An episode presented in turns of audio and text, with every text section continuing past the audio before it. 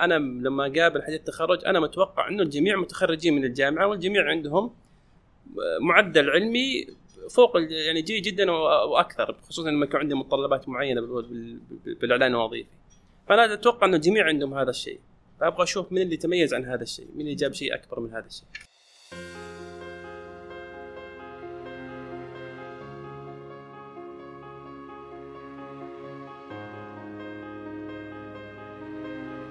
أهلا أنا محمد الحقباني من بودكاست رواد سلطان. نستضيف اليوم الأستاذ ياسر العبيد مدير التطوير التنظيمي والمكافآت في شركة توال إحدى الشركات التابعة لل STC في هذه الحلقة راح نتعرف على أهم المعايير التي تهم طلاب حديثي التخرج في مرحلة المقابلات الوظيفية أو عند البحث عن عمل. وأيضا راح نناقش موضوع الشهادات العلمية والعملية والفجوة بين مخرجات التعليم ومتطلبات سوق العمل. هذه الحلقة لكل طالب ولكل شخص مقبل على مرحلة الحياة العملية ويواجه بعض الصعوبات فيما يخص موضوع التوظيف. من هو المميز في المقابلات الشخصية؟ وكيف مهم تكون سيرتك الذاتية؟ كيف تحصل على اهتمام الجهة التي تسعى لها؟ والسؤال الأهم المعدل أو الخبرة؟ حياك الله أستاذ ياسر شرفتنا. الله يعطيك العافية أخوي محمد ويحييك آه، وسعيد كوني موجود معاكم في هذا اللقاء. يمكن بس حاب أوضح إنه أثناء اللقاء قد آه، أضطرني أو أوضح كلمة باللغة الإنجليزية الهدف منها اني افيد المستمع آه، في فهمها باللغة الإنجليزية لغرض البحث والمزيد من المعرفة بهذا المصطلح. ودنا نبدأ أول بالتعرف عن الصورة النمطية والمفاهيم المغلوطة المنتشرة عن الموارد البشرية. وهدف إدارة الموارد البشرية. يعطيك العافية أخوي محمد. آه، طبعا آه، مفهوم الموارد البشرية مر على عدة عصور ويرجع إلى عصر الثورة الصناعية أو ما تسمى النهضة الصناعية. هذه كانت البداية في التفكير في أهمية العنصر البشري.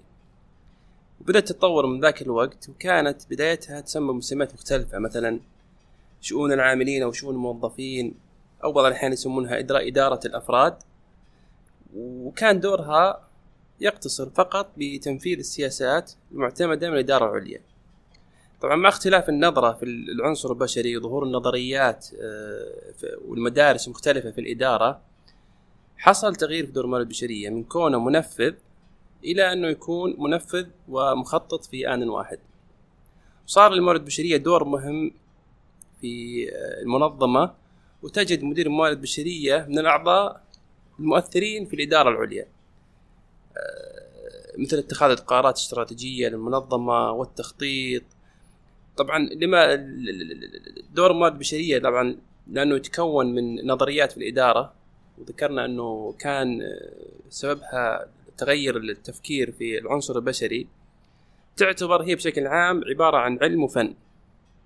لأن فيها جزء فلسفي إلى حد ما يتعامل مع الإنسان والمجتمع وجوانب مادية وغير مادية. تتطلب صراحة يعني تتطلب هذه الأمور خبرة حكم شخصي وإبداع وأحيانا مناورة واستنباطات اللي يجعل فيها لمسة فنية. من الفنون اللي فيها اللي أحيانا تسبب غلط بين مفهوم الموارد البشرية هو أن أحيانا بعض الموظفين يمكن تمر عليهم مواقف إما مع الشركة أو مع مدرائهم يفسرونها أنها غير منطقية. بينما يمكن من الممكن الموارد البشرية بحكم الحيادية والتوازن في دورهم يمكن يرونها من ضمن حدود السلوكيات المقبولة. على سبيل المثال مثلا ممكن نلقى مدير آه، يحب يشتغل آه، بشكل مباشر مع الموظفين بحيث إنه يكون عنده دور كبير في الإشراف يشرف على الموظفين بشكل مباشر. بينما الموظف تلقى أحد الموظفين يحب إنه يشتغل باستقل... يشتغل باستقلالية إنه يكون مستقل في عمله بحدود آه، يعني الإشراف تكون ما تكون كبيرة لحد ما. فممكن الموظف هذا يجد هذا التصرف غير مقبول غير منطقي بالنسبة له. بينما المدير يراه إنه منطقي. ف دور الموارد البشرية هنا يمكن جميع التصرفين يرونها بشكل إنها صحيحة كلها صحيحة. لكن دور الموارد البشرية هنا هو التوجيه والإرشاد وتوضيح الأدوار وتوضيح هذه الاختلافات اللي موجودة في علم الإدارة. ننتقل للسؤال الثاني اللي هي وش هي المشاكل اللي تواجه سوق العمل مع مخرجات التعليم؟ عند وشلون يقدرون الطلاب يتماشون مع مع سوق العمل؟ طبعا من الطبيعي إنه في وجود فجوة بين مخرجات التعليم وسوق العمل. وهناك يعني دور يقع على التعليم وعلى الطالب وعلى يمكن وزارة العمل. والجهود المبذولة صراحة من وزارة التعليم ووزارة العمل ملحوظة مؤخرا في محاولة سد الفجوة عبر حلول ومبادرات تتواكب مع رؤية المملكة 2030 مثلا يمكن شفنا السنة الماضية خرجت وزارة التعليم بخمس حلول إنها تحاول تسد الفجوة بين مخرجات الجامعة وسوق العمل منها دراسة كافة العناصر الخاصة بالعرض والطلب ومنها إنشاء منصة للتحليل والتنبؤ بالتوقعات ومن ضمنها أيضا مبادرات خاصة بوزارة العمل مثل دعم دعم السعودة وبرامج التدريب والتطوير وتدريب الصيفي وما إلى ذلك هذه كلها تتيح للطالب الاستفادة من وقته من من وقته في الجامعة إنه يكتسب خبرات عملية جانب الخبرات العلمية. طبعا من المهم جدا إنه الطالب يكون ملم وواعي إنه مهما استثمرت الجامعة في الطالب ما راح تستطيع إنه توفر له كافة الجوانب المطلوبة في سوق العمل. فيتطلب على الطالب إنه يعي ذلك جيدا ويبدأ يسد الفجوة هذه عبر مخالطة الناس ذوي الخبرة في القطاع نفسه أو التخصص نفسه اللي هو فيه ويجرب أشياء مثل العمل الجزئي والاعمال التطوعية ويطور نفسه أيضا في قراءة مستمرة بحيث إنك تعطيه الموهبة وتعطيه المعلومات اللي تخليه آه، يتميز عن غيره في أثناء التخرج. اللي هي نقدر نقول اللي هي العلاقات والعمل فترة آه، الدراسة. بالضبط. الطالب في المرحلة الجامعية يكون حابب إنه يركز على التفوق الأكاديمي أو الحصول على الشهادات المهنية. كإدارة موارد بشرية وش يهمكم في الطالب الحصول عليه؟ والله ما في شك آه، إن الحصول على أشياء إضافية بجانب الدرجات العلمية شيء يميز الطالب لكن أنا من منظوري الشخصي أرى إن الشهادة العلمية اللي يدرسها الطالب أهم من الشهادات المهنية في هذه المرحلة خصوصا أن الشهادة المهنية هي مهنية تتطلب إنه يكون عنده بعض الخبرات حتى ياخذها. فلكونه هو حديث تخرج ولكونه لسه ما عنده أي خبرات أرى انه التركيز على الشهادة العلمية أهم آه، من الشهادة المهنية. مع ذلك ممكن إضافة الخبرة أو العمل الجزئي وقت الجامعة يكون مرة مهم. فيغذي نفسه بجانب العلمي ويغذي نفسه في الجانب العملي. يعني التفوق المعدل يفرق من ناحية المقابلات الشخصية؟ المعدل العالي يفرق نعم. هو يفرق في يعني وجهة نظري يفرق دائما في حديث التخرج عند الحصول على أول وظيفة. ما بعد الوظيفة الأولى واجتياز مثلا أول سنة حصول على خبرة معينة الجي بي اي أو الدرجة العلمية ما تكون ذات الأهمية. السيرة الذاتية واللي هي المرحلة اللي بتوصل الشخص للمقابلة. وش أهم العناصر اللي يجب أن تكون في السيرة الذاتية؟ طبعا من أهم العناصر والسيره الذاتية تقريبا هي بالمجمل بالمجمل ست عناصر. آه، العنصر الأول إنه يكون في معلومات شخصية للمرشح. مثل الاسم وضوح الاسم البريد الإلكتروني رابط مثلا إلكتروني لصفحتك في لينكدين. آه، أي معلومات تشوف إنها مفيدة ما تضرك لأن ما تحط معلومات قد إنها تصير آه، تحيي تصير في تحييز أو تمييز أثناء المقابلات أو أثناء التوظيف. جينا سؤال ثاني طب معدلاتهم قليلة هل يفضل يضيفون معدلهم ولا يضيفون معدل مثلا آخر فصل؟ يعني أنا هذه من المعلومات اللي أشوفها أه ترجع للشخص نفسه إذا في معلومة تظن إنها ما راح تفيدك أنا أنا شخصيا ما أنصح إنها تكون موجودة لأنه هدفي من السيرة الذاتية إنه أجعل القارئ أو موظف التوظيف أه يراها بشكل يسمح لي إني أتحاور معه في المقابلة فأنا أبغى هدفي إني أوصل المقابلة حتى أفسر ما ما لم يتم تفسيره في السيرة الذاتية. الشيء الثاني اللي هو آه، وهذا يمكن أنا بنفسي أراه مهم إنه يكون فيه شيء مختصر للسيرة الذاتية أو تسمى مثلا في الإنجليزي اكزيكتيف سامري أو أحيانا يسمونها profile هنا بس تتكلم فيه عن نفسك وش بشكل مبسط كم سنه الخبرة اللي عندك أو وش تخصصك وش إذا كان ال GPA متميز تذكر ال GPA وتذكر وش المهارات الناعمة أو ال soft skills بالإنجليزي يسمونها اللي أنت تتميز فيها. وبعدين كيف هذه المهارات بتفيد الشركة إذا استقطبتك أو وظفتك عندهم. هذه مهمة جدا. أنا أشوف ال profile هذا البدايه وأقدر أحكم بشكل سريع عن الشخص.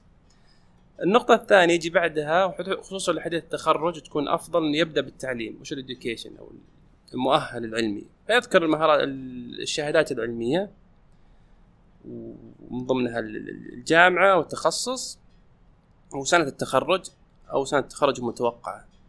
بعدها الخبرات إذا في خبرات أثناء الجامعة اكتسبها أو أعمال تطوعية يذكرها مهم في في في البارت أو الجزء الخبرات إنه يذكر فيها وش الأشياء اللي سواها أثناء الخبرات. وتكون دائما في صيغه صيغة الماضي لأنها كأنها إنجازات سويتها. يذكرها كنقاط يعني. كنقاط. وش أنجزت مثلا اشتغلت في في مكان معين أثناء الجامعة. طيب وش أنجزت؟ وش كان دورك؟ كم عطني أرقام؟ عطني آه، يعني شيء أحس إنك فعلا سويت شيء فيها. آه، بعدها يجي اللي هو الأشياء المهارات اللي موجودة عند المرشح المهارات والدورات التدريبية اللي اكتسبها. يعني تذكر أي المهارات اللي تتميز فيها مهارات مثل الخطابة مهارات التواصل مهارات المفاوضة هذه الأشياء اللي أنت متميز فيها تذكرها. طيب هذا كيف يذكرها وتكون بطريقة واقعية؟ يعني إحنا نشوف أغلب يكتب عمل تحت ضغط العمل في مجموعة هذه كيف؟ طبعا آه هذه صعب من يعني من من الصعب الواحد إنه يقيسها في أثناء المقابله الشخصية. هذه عادة تكون أدق في اختبارات الشخصية. اختبارات الشخصية تحدد الشخص هذا أفضل. بس هنا واحد يحلو إنه يذكرها فقط إنه يوري قارئ إنه فعلا أنا متميز بالأشياء هذه. وأثناء المقابلة أنت تحاول إنك تركز عليها. يعني لما تضرب مثلا خبرة معينة تضرب أمثلة فعلا تتطابق مع اللي كتبته في المهارات. من ضمنها تذكر برضو دورات تدريبية إذا عندك فيها دورات تدريبية والمهارات التقنية. مثلا دورات في ال Excel عندي متميز في ال Excel مثلا على سبيل المثال في ال Microsoft Office. ال part ممكن الأخير وهذا اللي أنا أحب أشوفه دائما في السيرة الذاتية اللي هو الإنجازات. وش إنجازاتك؟ تبغى تفتخر فيها. اذكر لي إنجاز إنجازين ثلاثة أبغى أشوفها يعني وش الأشياء اللي تتميز فيها؟ مثلا في مرحلة الجامعة مثلا مسكت مشروع أو كونت فريق وسوينا مشروع مع بعض في team فيها teamwork أو روح الفريق. هذه أشياء وهذه عادي إنها تكون خارج المجال العلمي والأكاديمي اعتقد, شخصي مثلا. بالنسبة لي عادي لأنه إحنا في مهارات آه، انتقالية تقدر تاخذها من مجالك تقدر تجيبها لعملك. حتى لو كانت في مجال آخر. مثلا مهارة التواصل. هي من المهارات يسمونها في الإنجليزي transferable skills تقدر تأخذها من مكان عمل تجيبها مكان عمل ثاني عادي. فهذه من المهارات اللي أبغى أشوفها في أثناء المقابله الشخصية. طيب بعد ترشيح من السيرة الذاتية كيف المقابلة الشخصية تحدد مين يحصل على هذه الوظيفة؟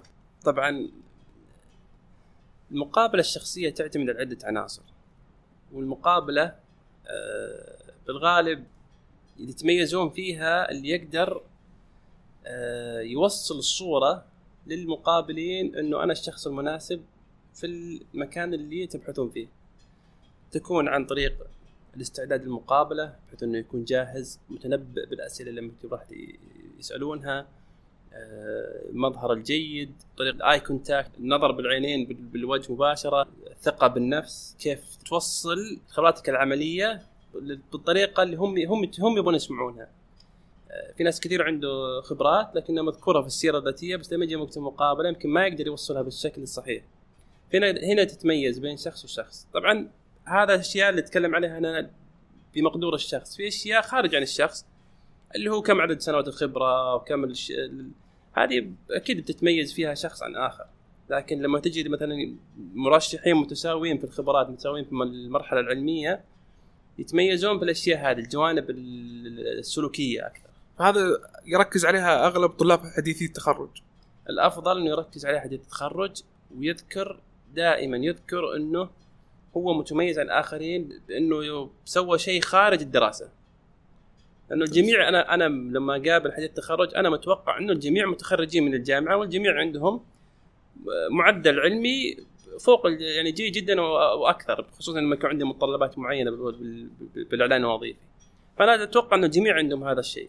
فأبغى أشوف من اللي تميز عن هذا الشيء من اللي جاب شيء أكبر من هذا الشيء. كيف الموظف أو المقبل على الوظيفة نجاوب بالشكل المثالي على الأسئلة اللي هي مثل ما هي نقاط ضعفك؟ وين ترى نفسك بعد مدة زمنية؟ أه، طبعا أه، الأسئلة اللي ذكرتها أخوي محمد هذه غالبيتها متعارف عليها موجودة يمكن أه، أو تمارس في أغلب المقابلات الشخصية حتى كثير من الأبحاث في الإنترنت تجد لها إجابات متنوعة وفي في منها إجابات فعلا جوهرية ممتازة. هو صراحة يعني لو بقول لك في إجابة معينة بكون ظلمت المترشحين لو بقول لك آه، لا آه، جاوب من رأسك بكون برضه ظلمت يعني هي تعتمد على حسب الحالة. مين الناس اللي قاعد تقابلهم؟ لكن بالمجمل حاول إنك ما تكون آه، سلبي. دائما خليك إيجابي. لما يعني توضح نقاط ضعفك المهم إنك تذكر نقاط ضعف. ما هي يعني جوهرية في العمل بحيث إنه أنا مجرد ما تقولها مثلا واحد يجي يقول أنا مثلا أعصب ممكن أسوي يعني مشكلة ولا شيء. اي أطلع مثلا مشكلة ولا ممكن أتلفظ على أحد. هذا جوهري خلاص على طول. لكن ممكن الأشياء اللي أنت قاعد تشتغل عليها تطورها. مثلا والله قاعد أطور نفسي مثلا في نقطة معينة. عندي نقطة معينة اكتشفت إني أحتاج أطور نفسي فيها.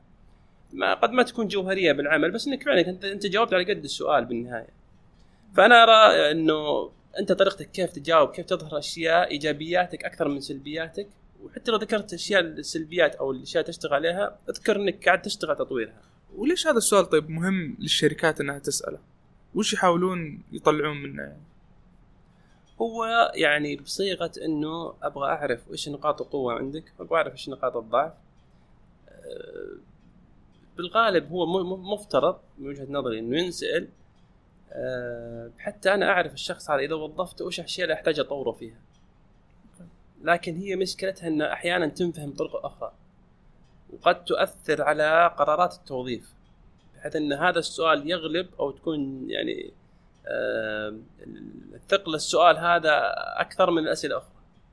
فهو سؤال يعني أت- أتصور إن الشخص حلو إنه يجاوب أجوبة المستمع يتمنى إنه يسمعها. بحيث إنك يعني تعطي الإجابة الكافية وتبين يعني فعلا تجاوب على قد السؤال وتبين الاجابه اللي, هم يطمحون لها. آه نجي لموضوع يهم أغلب طلاب حديثي التخرج اللي هو لما يجي يناقش موضوع الراتب. كيف المفروض عليه إنه يناقشه؟ وهل المفروض إنه يسأله؟ هل إن اللي يسأل عن الراتب ما يتفضل الشركات لأنه حديث تخرج؟ طبعا آم، زي ما تفضلت أخوي محمد مناقشة الراتب آم، هي مرحلة من مراحل التوظيف ومرحلة جوهرية. آه، وهي حق للمرشح بشكل عام إنه يكون له له له وجهة نظر مختلفة. لكن أنا أشوفها هي هي مرحلة تفاوض. هي آه، مباراة تفاوض ما بين المرشح والشركة. لكن أنا أرى إذا كان الشخص حديث تخرج آه، أرى ان فرصته يعني جدا ضئيلة في المفاوضة.